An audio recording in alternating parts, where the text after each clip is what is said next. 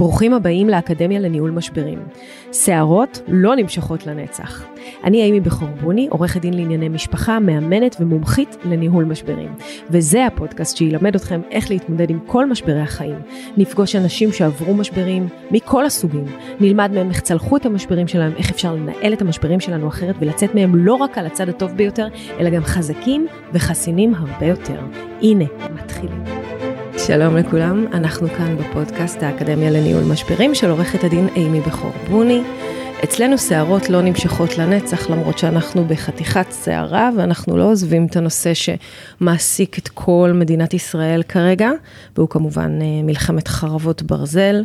כולנו נמצאים אה, באותה מצוקה, ואנחנו משתדלים לעשות כמה שיותר פרקים, כמה שיותר לתת ערך ולסייע לכל מי שצריך וכל מי שמאזין לנו. אמ, והיום אני מראיינת אה, כאן ממש את אה, טל מוזס, שהוא פסיכולוג שיקומי מומחה, שיש לו ניסיון רב ונרחב בתחום הטראומה. אה, למעשה הוא עבד חמש שנים בשדרות עם בני נוער אחרי מבצע צוק איתן, ועבד בבית החולים איכילוב למעלה מ-12 שנה במרפאה הפסיכיאטרית ובמחלקת השיקום, והיום יש לו קליניקה פרטית בתל אביב. היי טל. היי אימי. קודם כל, תודה שבאת, זה ממש לא מובן מאליו בימים האלה, קשה מאוד אה, לגייס אה, אנשים, כולם נורא נורא או עסוקים בהתנדבות, או מאוד מאוד צפונים בבתיהם ודאוגים. אז קודם כל, תודה שהזמנת. אני חושב שאחד הדברים שאנחנו, אני אנסה ככה לדבר עליהם היום, זה מה אני יכול לעשות עבור עצמי ומה אני צריך שאחרים. אז אני ממש לא עושה פודקאסטים, אז אני שמח שהזמנת אותי לעשות אחד כזה. יופי. אז אני באמת, תקשיב, אני קודם כל תמיד מדברת גם מהמקום האישי שלי. אמ, ובאמת בפודקאסט האחרון שעשיתי, דיברתי על, על החרדה שאוחזת בי כאדם חרדתי, ובטח נוכח העובדה שזה לא סתם כאילו נמר נכנס לחדר והמערכת הסימפתטית שלי, אלא באמת יש נמר בחדר עכשיו. אמ, וקצת דיברנו על אה, חרדות, ועכשיו אני הייתי רוצה להעמיק את זה, כי יש לי איזו תחושה שזה לא רק חרדה, זאת אומרת, יש איזו תחושה של פוסט-טראומה לאומית, שכולם בפוסט-טראומה. אמ, אז אני קצת בדקתי, ואני רוצה, אני אקריא רגע, שלפי ה-DSM-5, שזה ספר האבחנות הפסיכיאטרי האמריקאי, ניתן לאבחן הפרעה פוסט-טראומטית, כשמתקיימים הקריטריונים הבאים. אחד, האדם חווה באופן ישיר אירוע טראומטי. חשבתי רגע, חווינו. עדות ישירה למאורע טראומטי של אדם אחר. חווינו. מצב בו אדם קרוב חווה אירוע טראומטי, כל כך הרבה נרצחים, אין מישהו שזה לא נגע במעגל שלו. חשיפה חוזרת קיצונית לפרטים קשים של המקרה, בו אם רק תפתח את הטלגרם או את הטלוויזיה בערוץ 12, זה לא רלוונטי, אנחנו נחשפים. אז, אז אני רוצה להבין, אנחנו בפוסט טראומה? אז קודם כל, אה, אנחנו עוד לא בפוסט טראומה, כי לפי ההגדרה הרשמית, פוסט טראומה מתרחשת רק של... עד ברגע שהסימפטומים ממשיכים שלושה חודשים אחרי האירוע. אוקיי, יש לנו... והאירוע עוד לא נגמר. נכון. אבל, אבל לצורך העניין, אם אנחנו מודדים מהשביעי לאוקטובר, אז אנחנו מדברים על השבוע הראשון, שזה בעצם תגובה אקוטית לסטרס, מה שנקרא ASR. Mm-hmm. אחרי זה משבוע עד בעצם שלושה חודשים, זה, או לפחות בחודש הראשון זה נקרא ASD, זאת אומרת, זה אנשים שאין להם את החזרה הטבעית לאיזושהי שגרה, והסימפטומים בדרך כלל או נשארים או מחמירים. ורק אחרי שלושה חודשים בעצם שה-ASD נשאר, שה-disorder נשאר, אנחנו מתחילים לקרוא לזה PTSD, אוקיי? פוסט טראומה. רגע, אבל, רגע, אבל אני, מה, אני, מה אני, הסימפטומים רגע, שאני אני, צריכה לחפש אז, לדעת אם אני בפוסט טראומה? אז, אז שנייה, הנה הדבר הראשון שאני אנסה לתת לך, וזה לבחור. ולבחור זה דבר ששוב נותן לנו שליטה ומשמעות. אז במה את רוצה שנתחיל? את רוצה שנתחיל לדבר על הרע, או שאת רוצה שנתחיל לדבר על הטוב? יש טוב? אז תמיד יש טוב, אוקיי? ואני חושב שהדבר הכי קשה שהיה, הוא שבשבת, בעשירי, בשביעי לאוקטובר, מה שקרה זה שהרגשנו רוע מוחלט, חושך מוחלט, בור שחור, שלפחות רוב האנשים שחיים לא הכירו דבר כזה. נכון. ו- ובמקום הזה, ברגע הזה, הרגשנו שאין לנו שום אפשרות לבחור. אוקיי? אז הבחירה אם אנחנו נדבר בהמשך על חוסן, אחד הדברים זה תמיד שיש לנו את האפשרות לבחור. ויש דוגמאות בהיסטוריה, אני דור שני, ההורים שלי אומנם מבוגרים אבל בחיים. אני אומר, הם יצאו מהשואה. נכון. יש להם סיפורים מזעזעים, לאימא שלי, לצערה יותר מלאבא שלי, אבל אני לפחות מחזיק את זה בראש, אוקיי? שאם הם יצאו מזה והיו להם סך הכל חיים לא פשוטים, הרבה פעמים כשהם מספרים את הסיפור זה נשמע בלתי אפשרי, הם חיו חיים טובים. אז אנחנו דור ראשון לשואת השביעי לאוקטובר? לגמרי. אנחנו דור ראשון, ושוב, כל אחד במעגלים שלו. אני חושב שהרבה אנשים, ואפילו בדרך לפה ברדיו, דיבר uh, מולי שגב על uh, ארץ נהדרת מאתמול. כן. הוא אמר שהוא היה, שזה היה uh, ארץ נזהרת, או ארץ מאוד. רגישה. אני לא ראיתי את כל התוכנית, אבל לגמרי הומור זה דרך אחת של בחירה. אבל אני חושבת שחלק מהאנשים הרגישו שזה היה מוקדם מדי. אז חלק מהדברים אז לא לכן- הצחיקו אותי. אוקיי, אז יש לנו את האפשרות לבחור. לבחור לראות טלוויזיה, לבחור לכבות את הטלוויזיה. ואנחנו נחזור לבחירה הזאת כל הזמן היום, אוקיי? כי המוח שלנו הוא לא בוחר בסטרס. ו... המוח שלנו לא בוחר בסטרס? לא, הוא לא בוחר, הוא, הוא רץ לשם ישר. נכון. אז- אוקיי, אבל אנחנו, אוקיי, אני, אני אתחיל רגע להסביר, ושימי לב שעקפת ולא בחרת אם את רוצה את הטוב או הרע, רק שאלת אותי אם יש טוב. נכון. אז אני אתן לך רגע איזשהו רקע כללי על המוח, ממש ממש קצר, בסדר? אבל. ההסבר שגם לילדים אני נותן אותו. כן. בגדול, לצורך הדיון שלנו, אפשר לחלק את המוח לשני חלקים. המוח הנמוך, המרגיש, המגיב, המוח הזוחלי, שהוא מאוד דומה לכל בעלי החיים, והמוח העליון, מה שנקרא הקורטקס, המוח החושב, אוקיי? ובעצם בכל מה- התקופה הזאתי, המוח הנמוך, המערכת הלימבית שלנו, חוטפת את המוח. כן. אנחנו מרגישים, אנחנו בסטרס, זה מפרק לנו את תחושת הזמן, נכון? אם הייתי שואל אותך כמה זמן עבר, אז אתה פתאום צריך לחשוב כמה זמן עבר. אתה אומר, כן. רגע, היום, זה לא טבעי. לפעמים נראה שזה עבר נורא מהר, לפעמים זה מרגיש שזה נצח. נצח. אז הכל מעורבב לנו, אוקיי? כי המוח הנמוך שלנו, הוא קולט את הדברים, זה החושים שלנו, אבל הוא לא מאבד אותם. אוקיי. אז מה שאנחנו רוצים לעשות, זה לנסות לעשות כל מיני דברים, להחזיר את המוח הקדמי לשליטה. שזה בעצם הרציונל? נכון? זה זה שהחלטת לקרוא לי היום. זה, זה שהצלחת להתקלח אתמול בערב, אני מקווה. כן. ועוד כל מיני דברים שאנחנו אומרים, זה אני צריך לעשות, זה אני חייב לעשות. עכשיו, אנשים שיש להם ילדים לצורך העניין, הילד שם, הם עושים עבורו דברים, זה מכריח אותם לעשות, זה נכון. מכריח אותם לחשוב. ילדים הרבה פעמים, במצבים האלה, אנחנו מצפים מהם להרבה פחות, וזה בסדר. אבל לא לצפות מהם מכלום, זה שוב שם אותם בתחושה הזאת של החוסר שליטה, של החוסר אונים. אנחנו מאוד מגנים עליהם כרגע מהתקשורת, מה שביומיום אולי אנחנו לא עושים. נכון. אז רק אני אגיד דבר אחד, כמו שאנחנו שומרים על הילדים שלנו מהתקשורת, אין שום סיבה לחשוב שאנחנו בנויים להיחשף לכל הזוועות האלה. נכון, ואני ממש תמיד ממליצה על דיאטה תקשורתית כזאתי, אבל אה, כל האנשים אומרים לי, אבל אני לא מסוגלת. אוקיי, אז... אני, אז אני לא מסוגלת, אז- האמי, אני לא מסוגלת, למה? כי זה נותן לנו תחושה של שליטה, אמנם מדומיינת. נכון, אבל, אז... אתה אז יודע, אם אני, לא, אם אני לא מחוברת לוויינט ולא קופצות לי התראות, ואני לא יודעת מה בדיוק קרה, אז, אז, אז אני מרגישה ש... רגע, אולי אני מאבדת איזה שליטה על משהו. אוקיי, אז קודם כל, אה, מה שאמרת זה נכון, החוויה היא ממכרת, יש שקראו לזה פורנו תקשורתי, יש שקראו לזה סנאף, הכל נכון מאוד. אבל בסוף, יש לנו שוב את האפשרות לשאול את עצמנו, למה אנחנו רואים טלוויזיה? ואז את אומרת לעצמך, אני רוצה לדעת, אני רוצה להיות בשליטה. האם הצפייה בטלוויזיה נותנת לך שליטה? לא. לא, היא נותנת לך עוד חוסר אונים. נכון. נכון? והחוסר אונים הזה לא מאפשר לך להתנדב, לא מאפשר לך לעבוד, לא, מטפל, לא מאפשר לך לטפל בעצמך אז או מה, אני, בילדים. עדיף להתעלם? לא. אני יכול להגיד לך שאני בכמעט שלושה שבועות האלה, ראיתי אולי שעתיים טלוויזיה. וואו, אז איך אתה יודע מה קורה? אז, אז אני, אם אני מחליט לדעת מה קורה, זה בדרך כלל שלוש-ארבע פעמים ביום, אני שומע חדשות ברדיו, הבנתי. זה בלי תמונות, אני לפעמים קורא כותרות במאקו, בוויינט, זה מספיק לי. אני נגיד בחרתי, כמו שאתה אומר, לא לראות סרטונים.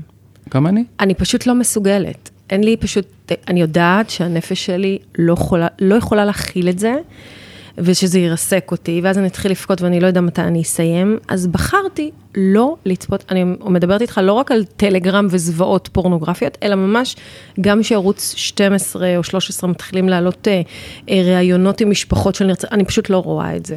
ולפעמים יש לי רגשות אשם על זה. אוקיי, okay, אז, אז לגמרי, אני חושב שהרגשות אשם הוא מאוד מאוד נפוץ כרגע, כי בעצם כל אחד מרגיש אולי, למעט, בוא נגיד, האנשים שבאמת נחשפו לזוועה ממקור ראשון, והלוחמים שהגיעו וראו את הזוועות ממקור ראשון, רובנו מרגישים שלא עשינו מספיק, שלא סבלנו מספיק. או, או, אני חייבת, אני באמת הזמנתי אותך לדבר על פוסט-טראומה, אבל כמו יהודייה טובה, הגענו לרגשות אשם, וזה משהו שקשה לי לדלג עליו. אבל אני אגיד לכם, שבתור מישהו שמטפל הרבה שנים בטראומה, שאלת אותי מה מונע פוסט-טראומה. כן. אז כשמתחילות לעלות לך רגשות אשמה ובושה, כן. זה הסיר שבו מתבשלת הפוסט-טראומה. אז רגע, אני רוצה לדבר על זה, ממש חשוב. אה, נגיד, אני, יש לי המון חברות, ואני אה, בתוך קבוצות, נשים, שמתנדבות בקטע באמת הירואי. מארחות משפחות מהדרום, מבשלות, מחפשות לחיילים, מפסיקות לעבוד והולכות. ו... ואני לא, אני לא. תרמתי קצת כסף, כי זה מה שיכולתי. ו... ואני לא יודעת למה, אבל אני לא. אוקיי, okay, אז, אז אני אחזיר אותנו רגע אחור וננסה רגע אולי לעשות באמת איזשהו סדר. אני במה... רק אגיד שזה עושה לי רגשות אשם איומים. אז, אז אנחנו נשים רגע את רגשות האשם שלך לכמה דקות בצד. אוקיי. אם, אם הם החזיקו מעמד עד עכשיו, ניתן להם עוד כמה דקות. אוקיי. אוקיי, שזה גם, ברגע שאתה מצליח לשים משהו בצד לכמה דקות, זה שוב עוד דרך להחזיר לך את חוויית השליטה. Mm-hmm. אוקיי? אם יש משהו שאתה מרגיש שאתה חייב, כמו לצפות בסרטון, תגיד, האם אני יכול לצפות בסרטון עוד שתי דקות? Mm-hmm. עזבי עכשיו אם זה טוב או רע, כן. אוקיי? אז באמת רציתי רגע לעשות איזשהו סדר מאוד כללי לגבי הזיכרון, אוקיי? אוקיי. והוא יחבר אותנו, אני מקווה אחרי זה גם למשמעות ולחוסר אונים ולאשמה ולבושה, אוקיי? Mm-hmm. אז בגדול, מה המוח שלנו נועד לעשות? אוקיי? לפחות החלקים הנמוכים. הם שם בשביל שאנחנו נישאר בחיים, נכון? Mm-hmm. אוקיי. מרגע שאנחנו תינוקות, אנחנו לומדים על העולם. כמו שעכשיו נכנסתי למשרד שלך, mm-hmm. אמרתי, אה, ah, זה הכיסא, בטח אני אשב פה, זה השולחן, אנחנו נשב לידו, יש חלונות, אני רואה את הנוף, אוקיי, לא, הגעתי ומאוד נעים לי במשרד. כן. אבל אם המשרד שלך היה מעוצב אחרת, כל הקירות היו סגולים, Mm-hmm. התאורה הייתה יוצאת מהרצפה מהעמודים, השולחן היה תלוי מהתקרה. רק התיאור של זה מקשה, מייצר איזשהו נכון. סטרס, אוקיי? כי הגוף שלי אומר, מה זה המקום הזה? אני לא רגיל לזה, אוקיי? נכון. וזאת התחושה שאנחנו חווים, אוקיי? מה-7 לאוקטובר. אנחנו לא רגילים. כל המערכות הגנה שלנו, אוקיי? בין, ה, בין אם נקרא לזה הדחקה, שזה מערכת גבוהה, או הכחשה, שזה מערכת נמוכה, סמכנו על המדינה, סמכנו על הממשלה, סמכנו על הצבא.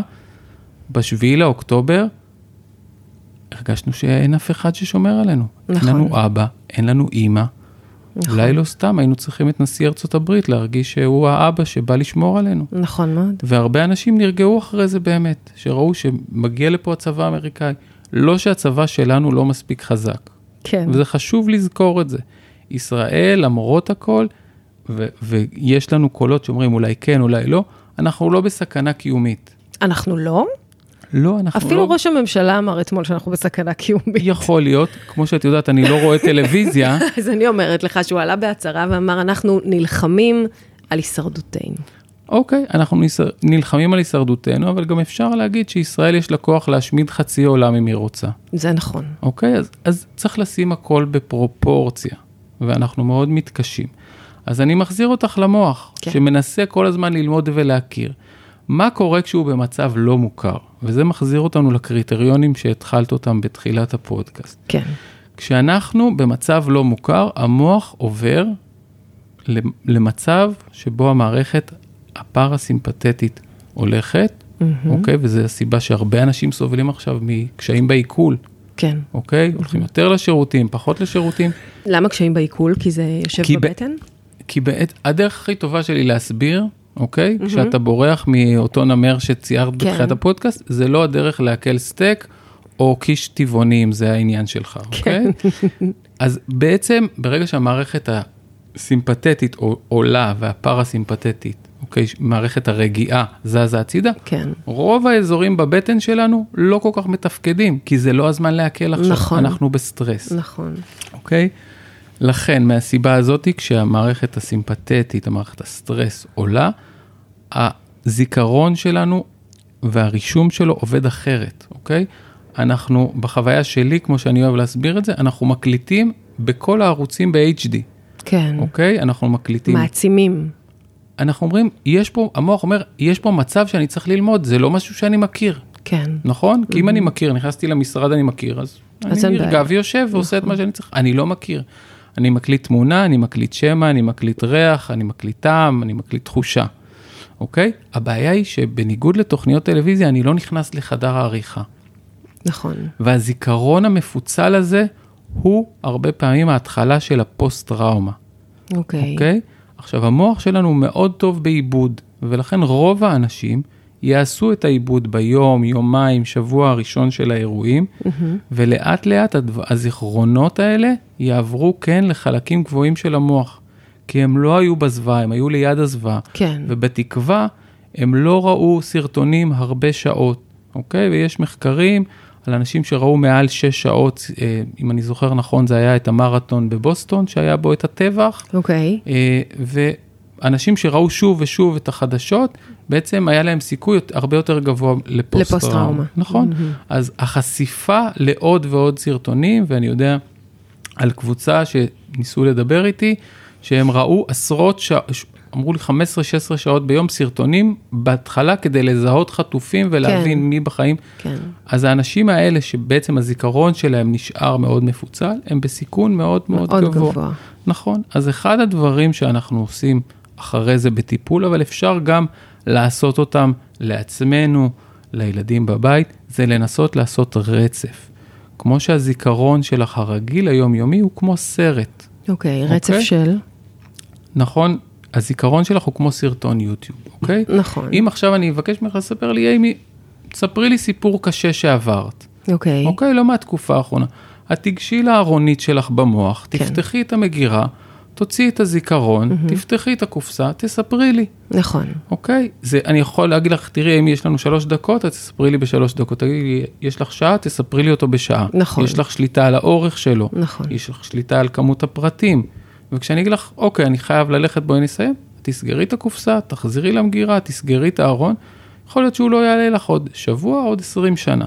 אבל אוקיי. אם אני אבקש, הוא יעלה לך. נכון. גם כשתספרי לי, לא תחווי אותו מחדש רגשית, אוקיי? את תהיי, תסתכלי עליו, אוקיי? כל הדברים האלה הם לא קורים בזיכרון טראומטי. אוקיי. בזיכרון טראומטי, כמו שאני אוהב לומר, הוא בא בשלוש בבוקר, פותח את הדלת, אמי, תכיני לי ארוחת צהריים עכשיו. זאת אומרת, הוא נכנס ואתה חווה אותו מחדש. הוא חודרני. הוא חודרני. זה בדיוק מה שאנחנו מדברים על זיכרונות חודרניים. הוא חודר אלייך מתי שהוא רוצה. רגע, רגע, אבל קודם אמרת, שנייה, רק כדי שנבין את הרעיון, אמרת, אפשר לעשות רצף. נכון. רצף אז, של- אז, קודם, אז קודם כל, מה שאפשר לנסות לעשות, וזה גם מה ש... לסדר את זה כאילו כסיפור, לזה אתה מתכוון? נכון, בדיוק, לסדר את זה כסיפור. ובטיפול, חלק מהטכניקות של העיבוד, מה זה שאנחנו לספר עושים... את זה? נכון, ואני לא מציע לאנשים, שוב, שאין להם את הניסיון ואת הידע לעשות, אבל מה שאנחנו כן יכולים לעשות לעצמנו, או אפילו עם הילדים, זה. זה להגיד, אוקיי, בוא נתחיל קודם כל את הסיפור בטוב, או בהכי בטוח שהיה לנו לפני, כן. ונסיים אותו באיזשהו מקום, לא אגיד בטוח, כי זה לא מרגיש בטוח בחוץ כרגע, אבל בשליטה חלקית. זאת אומרת, אולי בשביל ילדים זה ממש יעבוד, זאת אומרת, קצת לשטח את הפרטים פורנוגרפיים ולעשות את זה מין לצורך, סיפור לינארי לצורך כזה. העניין, אפשר, נגיד, אה, הייתי בשטח ופגשתי חיילים שבאמת הגיעו ביום הראשון. אוקיי, אז התחלנו מארוחת ערב של שישי. הבנתי. מי היה איתכם בשישי? היינו פה, דיברנו על שמחת תורה בבוקר, מה הולך להיות. כן. אוקיי, ממש להתחיל בפרטים ולקחת שוב, כמו הפרטים שאמרנו שיש כן. אותם, מכל חמשת החושים, כי בדרך כלל אנחנו מספרים רק מה ראינו. למה? כי זה מכניס אותנו לסטינג? אנ- לא, כדי לייצ... אנחנו חווים את המציאות כחוויה כוללת. הבנתי. אוקיי? ואנחנו רוצים לקחת מכמה חושים ולחבר את זה. אוקיי. כדי שלא יהיה לנו אחרי זה את ה, מה שקוראים אחרי זה פלשבקים. אוקיי. שיש לי, פתאום אני מריח, היה לי פעם מטופל שהיה במלחמת לבנון, הוא אומר לי, כל פעם שהאורגנו פורח, כן. זה מחזיר אותי ללבנון ישר. כי זה היה ביוני, ולא זוכר איזה ג'אבל הוא היה, היה מלא אורגנו. כן. אז לא יהיה את זה, לא יהיה איזה תמונה פתאום של איזה איבר, אוקיי? כל הדברים המפוצלים האלה, כן. אנחנו רוצים להפוך אותם לסרט אחד ארוך. ואז אנחנו נספר את הסיפור, אוקיי? היינו בערב, הייתה ארוחת ערב, קמנו בבוקר לאזעקה, או אפילו אם מישהו קם קודם, אז קמנו לאזעקה, הלכנו לממ"ד, הלכנו למקלט, התחבקנו, היינו נורא בלחץ, כן ראינו טלוויזיה, לא ראינו, שיחקנו, ישבנו ואכלנו, אנשים עשו המון המון דברים. כן. לעשות איזשהו רצף עד המקום, אוקיי? כל אחד זה אם זה הוא התפנה מהבית, אם זה מפגש משפחה, אני מכיר אנשים שהיו בקמפינג וחזרו מהקמפינג. כן. לעשות איזשהו רצף של סיפור. לא רק מה ראינו, שוב, שמענו באוטו את השיר הזה והזה, אני זוכר שעצרנו בתחנת דלק כן. וקנינו את איזה תפוצ'יפ. תפס אותנו, מה, כן. נכון, אבל לעשות מזה סרט, וזה נכון לא רק לאירוע קיצוני כמו עכשיו. וזה יכול לעזור במניעת הפוסט-טראומה? נכון. זה יכול לעזור כי בעצם אנחנו עוזרים לזיכרון לעבור עיבוד. הבנתי. וכשהזיכרון הוא בפוסט-טראומה, זה אומר שהוא בחלקים הנמוכים. לא מעובד, ככה מופרע לגמרי. נכון, ה- הרצף של הזמן מאוד פגוע, אין, אין רצף בסיפור, אוקיי? אני רוצה לקרוא משהו מה... מהפייסבוק שלך, אוקיי. שזה די מטורף. אני, כשזה- כשממש בשביעי לאוקטובר לא היינו בארץ, אבל בהודעה הראשונה שהתקבלה ככה מוויינט, אמרתי לבעלי, זה יום כיפור או לא וברגן. ונכנסתי לפייסבוק שלך, וב-11 לספטמבר, שזה היה ערב ראש השנה, ממש שלושה שבועות לפני, אתה פרסמת אה, פוסט שאומר ככה, בשבועות הקרובים יציינו פלוגות וגדודים רבים 50 שנה למלחמת יום הכיפורים. זכיתי לטפל ברבים מהם. פוסט-טראומה, הלם קרב או של שוק, כפי שקראו לזה בעבר, זו הפרעה במהלך התקין של הנפש. אני קורא לכם, לנכדיכם, לבנותיכם, לבנות הזוג, חברות, שימו לב, השבועות האלה הולכים להיות קשים במיוחד עבורם. עבורם אין דבר חגיגי בחמישים שנה, חלקם חווים את האובדן שעה-שעה ולילה-לילה. אז נסו לגלות סבלנות, נסו לתת מרחב, אבל גם להיות שם אמפתיים וקשובים. דור לוחמי 73 שמר את הטראומה בבטן, שנים רבות מתוך רגשות אשמה ובושה. אם חברינו ואחינו הגדולים הצליחו ב-67, כנראה שהבעיה היא בנו, שאנחנו לא טובים ולכן לא ראויים לאהבה, תאהבו אותם בעדינות. כשקראתי את זה, שאלתי את עצמי, אם אנחנו דור הלוחמים של 23, ואם החוסר שינה בלילה, שחווים, באמת, ואני מדברת עכשיו לא על אנשים שהיו בטבע, אני מדברת על החיות שלי, שאני קמה כל בוקר ל-80 הודעות וואטסאפ בשעה 4 ו-3 ו-5 וחצי בבוקר, שהן פשוט ערות. האם, האם אנחנו שם? אה, אז כרגע אנחנו שם, וכמו שאמרתי, כל אחד יש לו כוחות נפש אחרים וכוחות התמודדות. המון אנשים לא ישנים עכשיו, כן. אוקיי? מהמון סיבות. אני יכול להגיד לך שהבת שלי בלילה הראשון ובלילה השני, למרות שאנחנו גרים בתל אביב ויש לנו מקלט, אמנם צריך לרדת אליו, אבל הוא מרגיש ממש בטוח. היו לה המון תופעות של קושי בימים הראשונים. אז סביב השינה, אוקיי? ידעתי שהיא לא נרדמת. למה אנשים לא נרדמים? כי משהו מטריד אותם. לא, לא רק, אז? במקרים האלה הם מחזיקים, אוקיי? ואפרופו הפוסט-טראומטיים, הרבה פוסט-טראומטיים, מתי הם נרדמים? באור ראשון, נכון. אוקיי? הגיע הבוקר, אפשר ללכת לישון. למה? כי בלילה דברים קורים? השמירת לילה נגמרה. בבוקר אנשים ערים, ישמרו עליי, אין בזה המון היגיון, אבל יש בזה משהו, אנשים חיים, דבר- אנחנו, יש בנו משהו טבוע שהחושך מפחיד אותנו. נכון. אוקיי? לא הגיוני, אבל זה מה שיש. אנחנו אוקיי. לא רואים, בחושך אין לנו, שוב, זה מוריד את חוויית השליטה, אנחנו לא יודעים מה יגיע. נכון? נכון. אז האור הראשון, אוקיי, אני יכול לא להירדם. רק זה, זה מין תחושה כזאת של, רק שנייה, אם אני עוצמת עיניים עכשיו, אני מתנתקת, ומה מה יכול לקרות בזמן שאני אתנתק? נכון, אז זה, הדבר הזה הוא, הוא תמיד חלק מהפרעת שינה של אנשים יותר חרדתיים. אז אני שוב אחזור לבת שלי, שבאמת היה לה קשה. עכשיו, אני מכיר אותה, איכשהו קצת, ואמרתי, מה יעבוד? הבת שלי מאוד מאוד טובה בחשבון ומתמטיקה. איזה וידעתי שאני רוצה לחטוף את המוח שלה מהמוח האחורי הנמוך לקדמי. אוקיי, אז אמרתי לה, שירה, בואי נעשה תרגילי כפל דו ספרתי בדו ספרתי. היא קצת הייתה עמומה מהרצון שלי, אבל זרמה איתי. ואחרי אוקיי. שלושה תרגילים היא נרדמה. הבנתי. למחרת עשינו מספר בגימטריה שהיא צריכה למצוא מילה. הכל בשביל להפעיל את המוח, אוקיי? זאת אומרת שהעברת את ה... בעצם הסטת את המחשבות. נכון, ויש הרבה תרגילים, אוקיי, להעברת קשב, ואנחנו יכולים לעשות את זה גם עם ילדים, אוקיי, כמו שאמרתי, וילדים אפילו יותר קטנים. לצורך העניין אנחנו יושבים בחדר, ואני אבחר עכשיו צבע או צורה, ואני אגיד לך, אימי, תגידי לי בחדר שלושה דברים בצבע ירוק. אוקיי. בבקשה. אה, ספה ונר ו... ואגרטל. מעולה. אז עצם זה שחיפשת וסרקת, גם אם הייתי בוחר סגול או ורוד והיה לך קשה, כן. הסריקה זה מה שחשוב. כן. לא באמת אכפת לי. כי אז המוח שלי לא חושב על משהו אחר, כי הוא לא יכול לחשוב על שני דברים ביחד. לא בדיוק, כי אז את מעבירה את המשאבים, אוקיי? לצורך העניין, התודעה שלך היא היא בשליטה שלך, הבנתי. אוקיי? ואז את חושבת על משהו מסוים. אז אוקיי, אז רגע, יש, אז אנחנו, אני, אה, אתה יודע, כתבתי ספר שנקרא שערות לא נמשכות לנצח, ואני מסבירה שם על שיטה לניהול משבר, ו- ובאמת אני משתפת בכל הדברים שעזרו לי אה, בדרך להתמודד עם חרדות, ואני היום בשליטה מלאה על החרדות שלי אגב. אני יכולה להגיד לך שאני ישנה נגיד מצוין בלילה, כי אני יודעת לעשות משהו שנקרא מיינדפולנס, מצוין. ואני מצליחה לעשות מדיטציה, אבל אה, אנשים רבים שפנו אליי במצוקה, אה, גם באינסטגרם וגם אה, בטיק טוק, ואמרו לי, אבל, אבל אנחנו לא מצליחים, עכשיו קראנו את הספר שלך, ואנחנו לא מצליחים להתרכז בכלום. איך אנחנו, איך את מתרכזת? ואני, ואני ממש מבינה את הרגע הזה שבו אתה מצליח להסיט את המוח שלך ובעצם לקחת עליו את המושכות. אבל אני חושבת שזאת נקודה נורא נורא קשה היום, זאת אומרת, זה הרבה יותר קשה מקודם. אוקיי, אז קודם כל אני מסכים איתך, אין לי ויכוח. אה, לגבי המיינדפולנס ומה שאנחנו רגילים, כן. אז אני, אם אני אנסה עכשיו לרוץ מרתון, זה כנראה או לא יסתיים ב-42 קילומטר, או יסתיים במיון. כן. אוקיי? כי אני לא בכושר. עכשיו, בתור מישהי שמתרגלת מיינדפולנס ורגיעה, את בכושר לעשות את זה, אז יש לך יותר כוחות.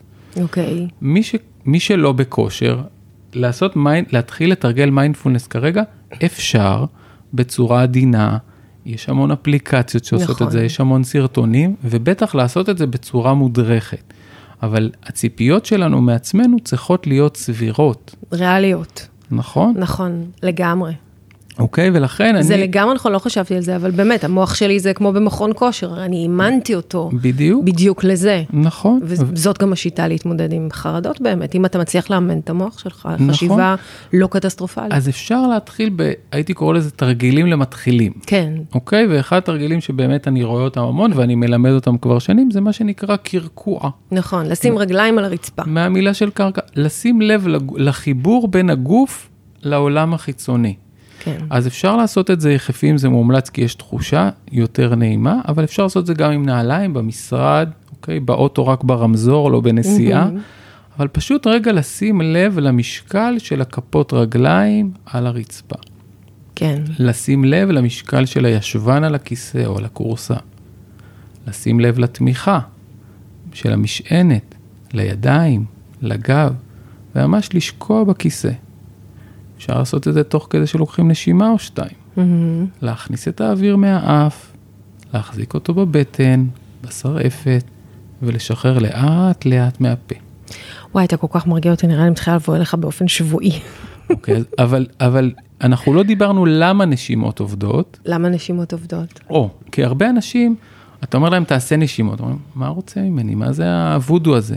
אז נשימות עובדות, ב... אני אוהב מאוד להסביר למטופלים שלי ובכלל, מה ההיגיון. כי ברגע שאתה מבין את ההיגיון, הסיכוי שתעשה משהו הרבה יותר גבוה. אז למה נשימות עובדות? דיברנו קודם, מערכת הסטרס, מערכת הרגיעה, אוקיי? נכון. לצורך העניין, כרגע יש באמת סטרס חיצוני, נכון? נכון, אבל כשאני מסתכל החוצה, אין כרגע אזעקה, אין סטרס חיצוני, אבל יש לי מחשבות שאומרות, אולי תהיה אזעקה. רגע, אה, זה בשעה עגולה, לא, זה בחצי שעה, לא, אני צריך, אוקיי? כל המחשבות האלה גורמות לחלקים הנמוכים, שוב, במוח, מערכת הסטרס, לפעול. למרות שאין כרגע סיבה ספציפית שאני אהיה בסטרס כל כך גבוה, נכון. אוקיי? אז מה המוח עושה? ברגע הזה, שהמוח התחתון משתלט, הוא שולח אדרנלין לגוף, שמפעיל את הלב, מעלה את לחץ הדם. אמרנו, כל האמצע הגוף, הבטן כן. מפסיקה, הידיים והרגליים, הדם מתחיל לזרום יותר מהר, אנחנו מכירים, fight or flight, נכון. נכון? בין אם אני נלחם, בין אם אני בורח, אני צריך אנרגיה בגפיים שלי. נכון. אוקיי? אנחנו נחזור גם ל freeze, נזכור אותו שהוא קיים גם כתגובת סטרס, כי כן. הרבה אנשים בקפיאה כרגע, נכון. אוקיי? בעיקר רגשית, הרבה אנשים לא בוכים. אבל אני רוצה רגע לחזור לנשימות, כי כן, אנחנו נכון. יכולים לדבר שעות, שעות, ואנחנו נכון. ננסה רגע להתמקד. אז למה הנשימות עובדות? נו, בעצם, כשיש סכנה קיומית נוכחית, כרגע מישהו פולש, או כרגע רודף אחריי מישהו, אני באמת צריך שהגוף שלי יהיה עם אדרנלין. כן. אבל אם אני יושב במטוס, כמו אנשים עם חרדת טיסה, כן. או במעלית, אנשים עם חרדת מעליות, או כן. סתם כרגע במציאות נמצא בכל מצב שהוא, כן. אוקיי? המוח שלי אומר לי שמסוכן. חלקים הנמוכים. כן. אבל לי יש גם חלקים גבוהים. ואני אומר, אבל טל, אתה כרגע לא באמת צריך את האנרגיה הזאת. את האדרנלין. אתה לא הולך לירות במישהו, כי אין לך נשק, וגם אין אף, אין אף אויב קונקרטי מולך כרגע. אז בוא תנסה להירגע קצת. מה אתה יכול לעשות עם זה? אז אני לא יודע להאיט את קצב הלב, אני לא יודע להאיט את, לשנות את לחץ, לחץ הדם. הדם, או את רמות הסוכר. אני לא יודע לעשות את זה. מסתבר שיש מעט אנשים שמתאמנים המון ויודעים גם לעשות שהדם יגיע לטחול, בעיקר אנשים שעושים deep diving, כן, כזה free. כן. אני לא יודע לעשות את זה ולא יודע ללמד. אבל בקצב הנשימה, אני שולט. אני יודע לשלוט. כן. לא תמיד אני שולט וזאת נקודה טובה. אבל אני ש- יכול. נכון. אז אנחנו נרצה לשלוט בקצב הנשימה, כי כשאני עושה נשימה, מה שנקרא שרפתית, נשימה וגאלית, אוקיי? היא לא חייבת להיות עמוקה. בעיקר מה שחשוב, המוקד שלה הוא הוצאה איטית של האוויר. כשאני עושה את ה... אוקיי. אוקיי? או פ, כל אחד והצליל שנעים לו, אבל הצליל הוא חשוב כי הוא עוזר לנו לווסת את הקצב. כשאני עושה את זה, בעצם המוח שלי, חלקים אחרים במוח, אומרים ללב תנשום לאט, ואז אנחנו יודעים יש איזון חוזר מהלב למוח הנמוך, אוקיי? והוא אומר לו, נראה לי שהתבלבלת. כן. המוח הנמוך אומר לו, תקשיב, אני רואה שיש לי מחשבות קשות פה, אני מפעיל אדרנלין. הוא אומר לו, אבל, אבל אם טל היה כל כך לחוץ, הוא לא היה נושם אין- כזה עמוק הוא לא היה. מסוגל לנשום כל כך לאט, אוקיי? ולכן כמה שאנחנו נעשה את הקרקוע, נרפה את השרירים, ונשלח בעצם לחלקים הנמוכים של המוח, שהוא קצת מבולבל, הוא קצת טועה כרגע. כן. עכשיו, אנשים מפחדים להרפות, אוקיי? ואז אני שואל אנשים, אני אומר, אימי, כמה זמן את יכולה לעשות אגרוף קפוץ? לא נניח שאת בכושר. בסוף לא, אתה רוצה לשחרר. כמה זמן? חמש דקות, שעתיים. היד שלך תהיה מותשת, נכון. אוקיי? ואנשים שלא מרפים, צריך, הם צריכים להזכיר לעצמם שברגע האמת הם יגיבו פחות טוב, נכון. לא יותר טוב. אני בשביעי לאוקטובר ב-6.31 או 2, קמתי מהאזעקה. עוד לא הייתי ער במקרה. האזעקה העירה אותי, כי הגוף שלי בנוי לסטרס. הוא בשנייה מ- עובר, בפחות כן. משבריר שנייה הוא עובר לסטרס. נכון. הוא לא צריך שאני אכין אותו. כולנו ככה. נכון. במדינה הזאת. אז אני אומר, אין צורך להכין את הגוף לסטרס. אין כן. צורך להכין אותו שהוא יהיה מוכן. צריך להרפות, הוא יודע להיות מוכן ברגע האמת. כן, להאמין, לסמוך על הגוף שיש לו את כל הכלים בדיוק, צריך. וזו הסיבה שהנשימות עובדות. כן. ברגע שאני עושה נשימה איטית ורגועה, 4, 6 פעמים, לא הייתי עושה יותר משמונה, עשר נשימות, כן, אוקיי? זה מספיק. זה מספיק, זה מוריד. נכון. עכשיו נקודה חשובה שאת העלית בלי לשים לב. אוקיי. כשאנשים בסטרס גבוה, אוקיי? מהמם. ושוב, בלי סיבה, אם מישהו בסטרס גבוה, שיש סיבה שלא יוריד את הסטרס כמובן. כן. אבל אם מישהו מרגיש שהוא ממש בהתקף חרדה, אין שום סיכוי ברגע הזה לעשות נשימות. זה נכון. לא עובד, אוקיי? כי רמת האדרנלין בדם היא כל כך גבוהה, גבוהה, שזה לא יעבוד. אז תרגיל ש... אני לא המצאתי את התרגיל, אבל אני שילבתי אותו בחרדה, אוקיי. סביב מטופל שלי שפחד להתעלף. אוקיי. אמרתי לו, תעשה פלנק, יש את הצורה כן. המגניבה הזאת שאומרים לעשות כושר, זה כן. בריא.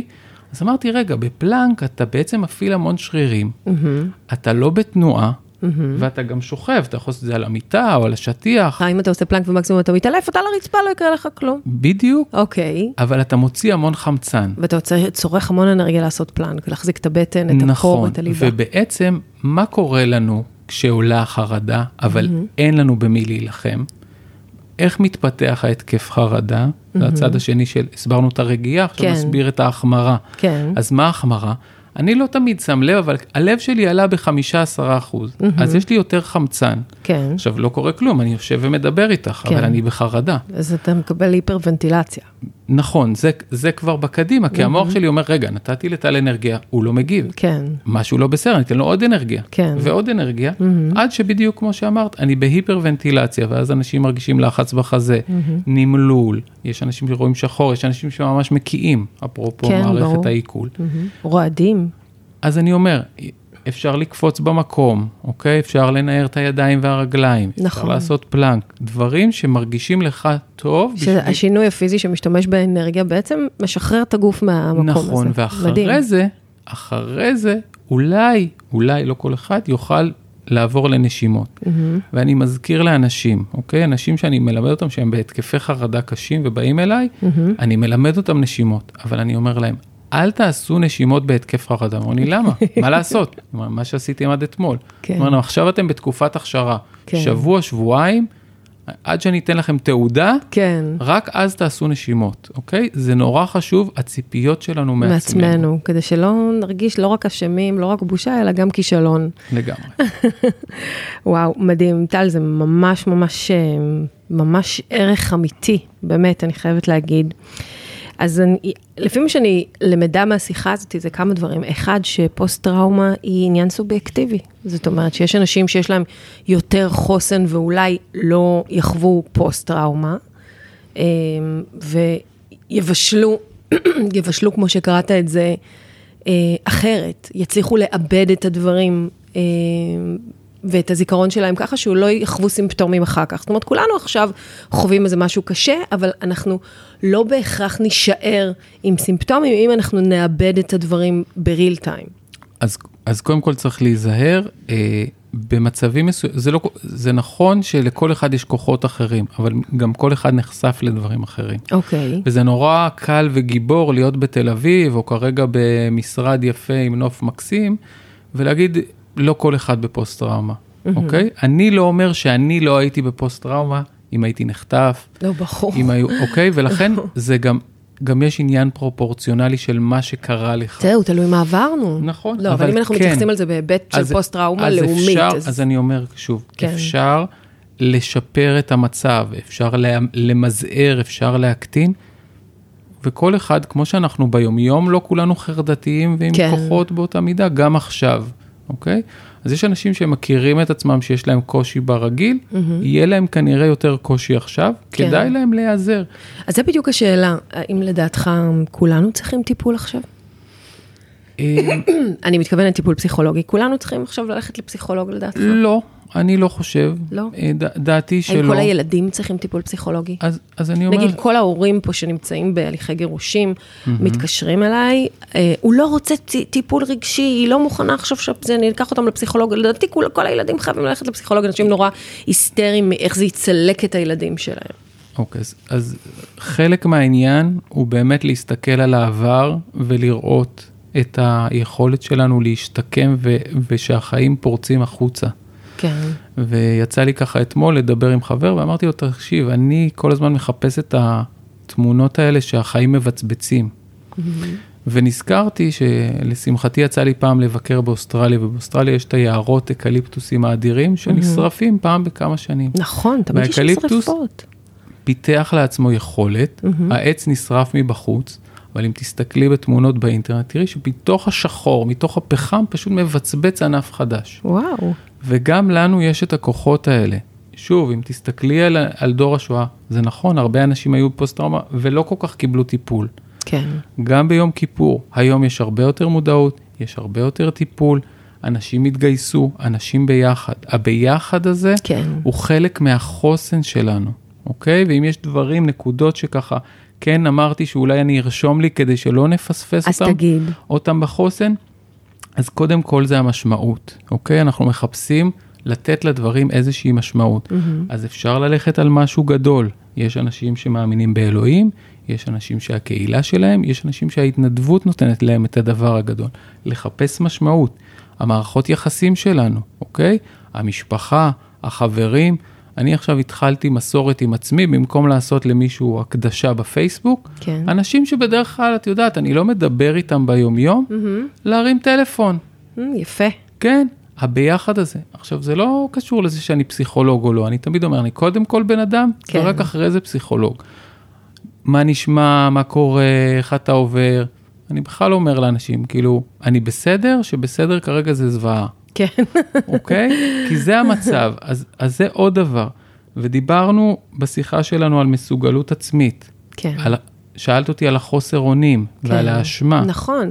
כי אתה יודע, אני עושה דברים, אבל אני עושה אותם אחרת. אני עושה פודקאסטים, אני כותבת, אני מדברת עם אנשים שמאמנת אנשים שנמצאים במצוקה, אבל שקרובים אליי. אני לא עכשיו הלכתי לאחים לנשק ו... והתנדבתי, ואני רואה איזה דברים גדולים אנשים עושים, ולפעמים אני אומרת שאולי אני לא מספיק. אוקיי, אז, אז קודם כל, אין פה נכון, לא נכון, ואני שומע את המשפט הזה גם מאנשי מקצוע וגם בתקשורת, והוא נכון. Mm-hmm. במצב לא נורמלי, כל תגובה היא נורמלית. כן. ואני מאוד אוהב את המשפט הזה. כי הוא נותן לנו מקום, הוא מוריד את האשמה, ואין שום סיבה שנרגיש אשמים כרגע. את נות... יש אנשים שיש להם כסף, נותנים כסף. יש, כן. אנשים. יש להם זמן, כי אין להם עבודה, הם נותנים את הזמן. יש אנשים שהלכו לבשל שבועות לחיילים. נכון. אה, לכבס. זה לא כל כך משנה מה אתה עושה, כל עוד אתה מרגיש שאתה עושה. כן. ובתוך תוכך אתה יודע אם אתה תורם או לא תורם. עכשיו, יש אנשים שלא עושים כלום, שיושבים מול הטלוויזיה, וזה מה שהם עושים. אנחנו שופטים אותם? אנחנו לא שופטים אותם, זה הכוחות שיש להם, זה באמת יותר דומה למצב של הפריז. כן. אם, אם אתם חברים של בן אדם כזה, או שיש לכם קרוב כזה, אז תנסו להכניס אותו לכושר לאט-לאט. כן. תנו לו משימות קטנות, תעשו אותם ביחד איתו. בואו נאפה עוגיות לחיילים. כן. אם זה ילד, בואו נכתוב ונצייר איזה ציור. כן. דברים קטנים. אם זה מישהו שנגיד, אני שומע עכשיו הרבה אנשים, את יודעת, שהם מתכנתים וכאילו אמורים לעבוד מרחוק. אנשים אומרים לי, אני לא, אני חמש דקות, עשר דקות מצליח לעבוד, אני ישר באיזה אתר, רואה חדשות. כן. לא, אוקיי, אולי תזמין חבר שעובד איתך ותשבו ביחד. אז לא תצליח לעבוד שמונה, תשע שעות, זה לא תעבוד מצופה. שעה, כן. תעבוד שעה, תעבוד רבע שעה. ואנשים כן לאט לאט מצליחים לחזור לעצמם. אתה יודע מה הפחד שלי? שנתרגל. נתרגל למה? נכון, בשבוע הראשון זה היה מאוד דרמטי ומאוד מאוד קשה ומאוד מאוד טראומטי, וכאילו, זה קצת, באמת, אולי גם אני קצת דור שוני, אז זה מזכיר לי קצת את יכולת העמידה שלנו, שבסוף אנחנו כאילו מתרגלים לכל סיטואציה, ואומרים לנו כל הזמן, המלחמה הזאת תהיה ארוכה. אתמול עלה ראש הממשלה ואמר, בין שלושה חודשים לשנה. אנשים מפונים מבתיהם, יגורו באוהלים או בקרווילות רק בשביל, לא, בשביל לנהל את המלחמה הזאת. ומעבר לפחד שלי שאומר שכל מה שזמני במדינה הזאת הופך להיות קבוע, אמ, שכאילו נתרגל ונגיד שזאת תהיה המציאות החדשה שלנו עכשיו. אז אני לא נביא, אני לא יודע מה תהיה המציאות החדשה. הכוח שלנו להתרגל הוא החוזק שלנו, הוא לא חולשה, אוקיי? ו... אתה אומר, אם נתרגל אז אנחנו לא בטראומה. נכון, הבנתי לגמרי. ו- וחלק מהעניין, הרבה פעמים אה, כפסיכולוג שיקומי, אנחנו רואים אנשים באמת, שזה אולי מייחד את הפסיכולוגיה השיקומית, אנחנו רואים אנשים אחרי שבר, כן. אוקיי? רואים אנשים אחרי שבץ, אחרי תאונת דרכים קשה, אחרי גירושים? אחרי גירושים גם, אוקיי?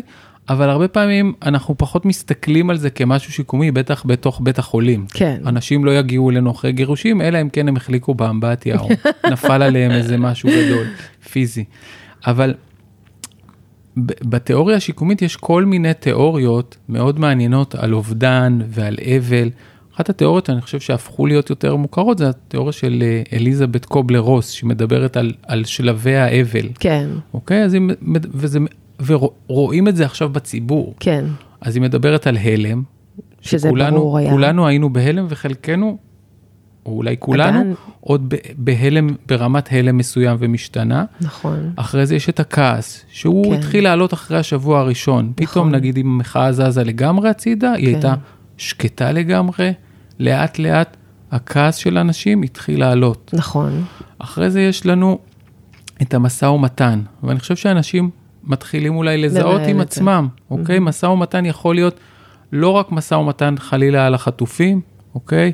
איך אנחנו נחזיר אותם, אלא משא ומתן ממש בסיסי עם עצמי. כן. אני קם מהמיטה, אני לא קם מהמיטה. אני אעבוד, אני לא אעבוד, אני אשווק למרות שזו תקופה כזאת, או אני לא אשווק, אני, על מה אני אבזבז את הכסף שלי, כדאי לי, לא כדאי לי, נכון. אנחנו בשלב המשא ומתן. כדאי לי, לא כדאי לי, אבל כמו שאמרת קודם, מותר לי, לא מותר לא לי. מותר לי, נכון. מתאים, כאילו, איך- תואם איך- תקופה, לא תואם נכון, תקופה. ואני בדרך לפה חשבתי על, אה, על חברים מהכיתה של הבן שלי שנסעו לחו"ל, כן, ושאולי אני צריך לדבר איתם יותר, כי אולי הם מרגישים בודדים, כי אולי בעצם הם מרגישים נורא אשמים שהם זה נורא יכלו יפה מצידך. להרשות לעצמם. כן, אמרתי, אני אקח מצלמה ואני אעשה להם טיול בשכונה. זה נורא יפה מצידך, כי דווקא אלה שנסעו, יש פה הרבה אנשים מאוד שיפוטיים כלפי אלה שברחו. אבל אני מזכיר לך שכל תגובה היא כרגע היא נורמלית. תגובה נכונה. נכון. רגע, אז כמו- מה יש אחרי המשא ומתן? אז אחרי המשא ומתן יש את השלב שאנחנו מתישהו כנראה נגיע אליו, וזה הדיכאון. דיכאון, כן. ואחריו יש את ההשלמה. עכשיו, צריך לזכור שהמסלול הזה הוא לא לינארי, אנחנו הרבה פעמים הולכים קדימה ואחורה, נכון. אוקיי? עד שאנחנו עושים עיבוד לחוויה. וזה כשהדברים הולכים טוב, בסדר? כן. יש דבר אחד שרציתי להזכיר בהתחלה, וזה מה זה המילה טראומה. אנחנו כולם אומרים פוסט טראומה, כן. פוסט טראומה. טראומה זה המילה היוונית, כמובן, מאיפה זה יגיע? כן. לפצע.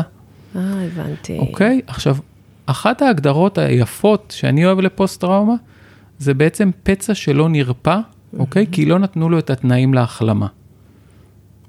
וזה מה שקורה למוח שלנו, אוקיי? הוא נתקע. אתה, אתה רואה בזה פצע במוח? אני רואה בזה פצע בנפש.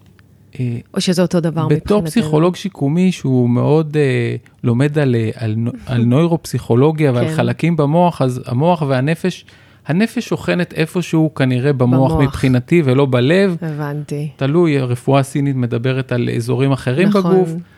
איפשהו בדבר הזה שנקרא גוף נפש, יש שוכנת הנפש, כן. אוקיי? זה לא כל כך משנה, אבל הפצע הזה בנפש, אני אזרום איתך איתי, כן. לגמרי, כי המיקום לא משנה, כן. לא מקבל את התנאים להחלמה, אוקיי? זה כמו שיהיה לי פצע ביד, ועכשיו כן. היד תהיה רטובה, כן, או לא יהיו לי מספיק ויטמינים בגוף, הוא לא יחלים. נכון. וחלק ממה שאנחנו רוצים זה לתת, אוקיי, לעצמנו להחלים. זה כן למצוא מקום לעשות עיבוד. שאלת אותי אם כולם צריכים ללכת לפסיכולוג?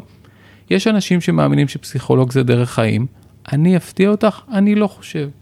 אני חושב שבאים לטיפול, לטפל במשהו, כן, אוקיי? אפשר לבוא לפסיכולוג לכל החיים, אפשר להיעזר, אוקיי? יש אנשים שצריכים את זה, רוב האנשים לא. נכון. רוב האנשים יכול להיות שהם יצטרכו מפגש, שניים, ללמוד עשרה, קצת כלים. ללמוד כלים, לדבר עם חבר, ללמוד אחד מהשני.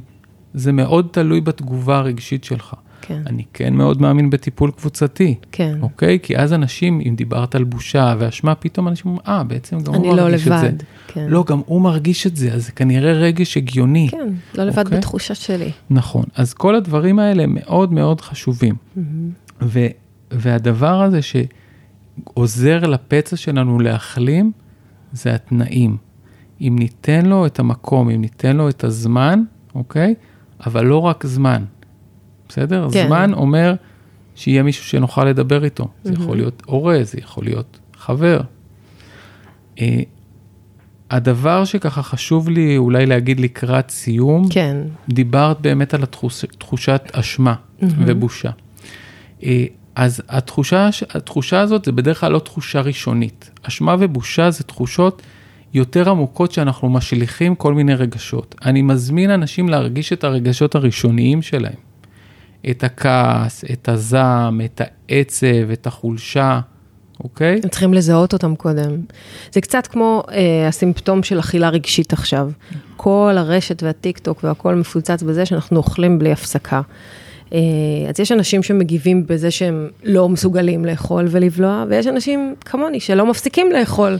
אוקיי, אז, אז זה בסדר כרגע, אוקיי? והייתה לי מנחה שהיא, שהיא אישה מדהימה שמתעסקת בטראומה מינית, כן. והיא הייתה תמיד אומרת לנו, המטפלים, אם בא לכם לאכול כמה קוביות שוקולד אחרי שיצא מכם מטופל או מטופלת וסיפרו לכם טראומה קשה, זה בסדר. זאת אומרת, לפעמים הטעם הטוב הזה, כן. אוקיי? וטעם טוב יכול להיות מילה טובה ממישהו, ויכול כן. להיות קוביית שוקולד. נכון, כמו כל דבר. זה בסדר, כי הכל נורמלי עכשיו. נכון, נכון, זה אמרנו צריך- את זה. זה. זה נורמלי, אנחנו רוצים, שוב, לא להגיע למצב שאנחנו מרגישים אשמים. פוגעים בעצמנו ומרגישים אשמים, ברור, נכון. וואו, טל, תקשיב, הרעיון הזה היה מדהים. ונתן כל כך הרבה ערך, גם למי שאין כסף ללכת היום לפסיכולוג, יכול להקשיב לזה וממש ללמוד מזה ולהפיק מזה ו- ולנהל את, ה- את הטראומה שהוא עובר כרגע בצורה הרבה הרבה יותר מיטבית. אני באופן אישי הפקתי מזה דברים, ואני כל כך מודה לך שבאת ובאמת אה, נתת מזמנך. בשמחה ובאהבה. ורק תמשיך ככה לעזור לאנשים שזקוקים לך. תודה, וגם את, ואני חושב שכולנו, כל אחד צריך לחפש את הדבר הקטן הזה שהוא נותן, כי הנתינה היא שוב, אני מחזיר אותך להתחלה, נכון. היא בחירה. היא בחירה והיא נותנת לנו משמעות, והיא החלק הטוב. נכון. כן, ונאחל לאנשים שיש להם אה, קרובים פצועים, או חלילה חטופים. חטופים, שיחזרו. באמת, שאנחנו איתם, ונורא חשוב להזכיר לעצמנו להיות איתם לאורך זמן. נכון. כרגע זה קל לנו לתת, אבל צריך גם את האנשים שידמיינו, ואולי את, שכרגע קשה לך לתת בזה, תגידי, אוקיי, אולי דווקא עוד חודשיים. נכון. שם אני אהיה, ילווה משפחה בכל מה שהיא צריכה. אני מוכנה. תודה רבה רבה רבה שבאת, ותודה לכולם, ואם הפודקאסט הזה עזר לכם, הוא תרם לכם, נתן לכם ערך, תפיצו אותו. אנחנו גם באינסטגרם וגם בטיק טוק, והפודקאסט יעלה בכל האתרים, אה, גם Apple Podcast, גם Spotify, Google. אה, תפיצו לכמה שיותר אנשים, כדי שנוכל לעזור לכמה שיותר אנשים. ויאללה, סערות לא נמשכות לנצח, גם זה יעבור בסוף. ביי.